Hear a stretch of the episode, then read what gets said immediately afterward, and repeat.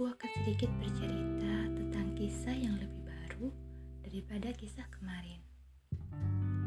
Hari ini bukan tentang saling, tapi tentang paling yang kemudian berubah menjadi asing.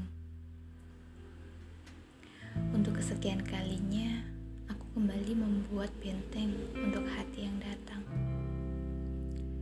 Aku bukan seseorang yang mudah jatuh dan melupakan Mungkin karena sifatku yang tertutup dan sulit menemukan orang yang benar-benar mampu mengisi kecenderungan ini.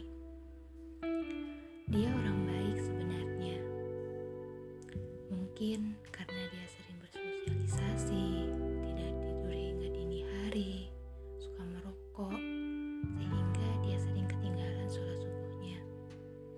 Apalagi dengan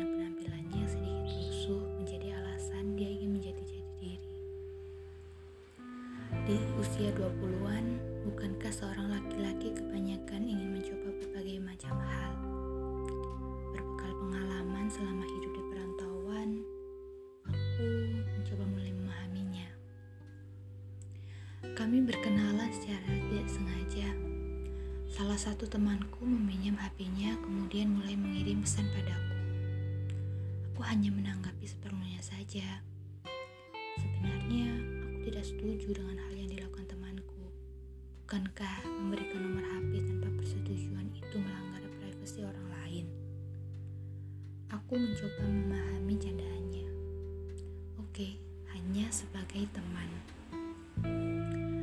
Hari terus berganti hingga dia sempat mengajakku keluar. Aku mengiyakannya.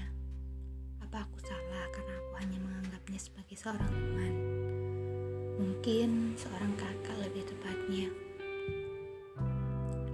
Waktu berlalu, aku mulai menjaga jarak dengannya. Aku tidak ingin memberinya harapan lebih dan menyakiti perasaannya lebih dalam. Mungkin sifatnya, penampilannya? Bukan, ya karena aku merasa orang itu bukanlah aku. Orang yang tepat untuknya bukan aku. Aku yakin cinta bisa hadir tanpa memandang penampilan. Mungkin kalian akan berpikir aku seorang pemilih. Aku tidak mengelaknya.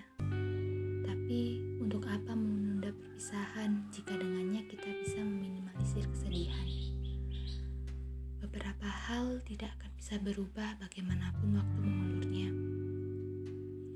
Apa pun perubahan baik yang kamu lakukan, perasaan itu masih tidak berubah bagaimanapun aku memaksanya. Aku senang akan perubahan baik itu, tapi bagaimana jika aku tetap melanjutkan tapi dengan rasa bersalah karena aku tidak berada pada rasa yang sama? Semakin aku menjauh, dia semakin menunjukkan sifat aslinya. Iya, dia mulai semakin over. Aku tidak suka.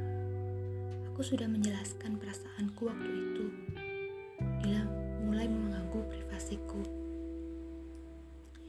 Dia sudah seperti stalker. Aku takut. Beberapa orang mengatakan, "Ya udahlah, gak usah dipeduliin.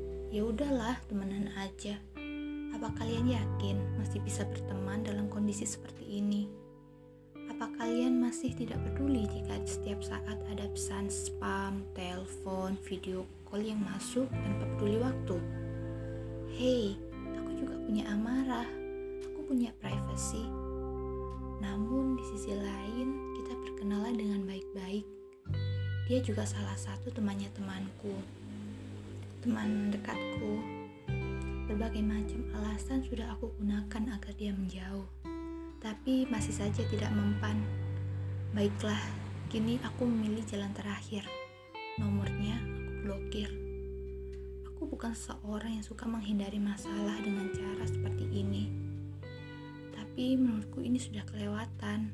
Tidak berhenti di sana, dia mulai spam DM. Aku membiarkannya, pesannya tidak pernah aku balas. Mungkin dia jengkel hingga akhirnya akun IG ku diblokir. Aku akhirnya bisa bernapas lega. Aku tidak menyangka pertemuan singkat itu akan menjadi hal menakutkan seperti ini. Kalian tahu kan, apa pun yang berlebihan itu tidak baik.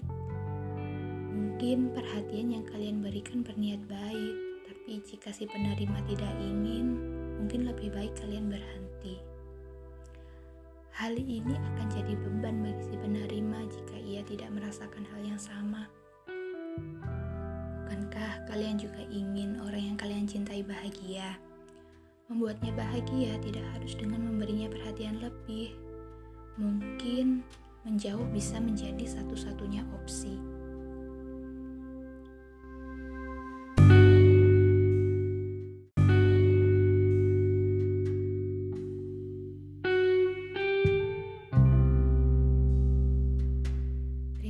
Kasih sudah mengajarkan banyak hal dalam waktu yang singkat.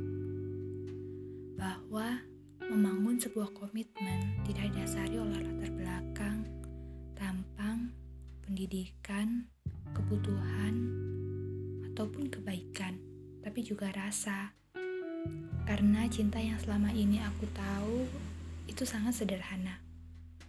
Jika kalian terlalu rumit untuk memaknainya, kurasa itu bukan cinta lagi namanya.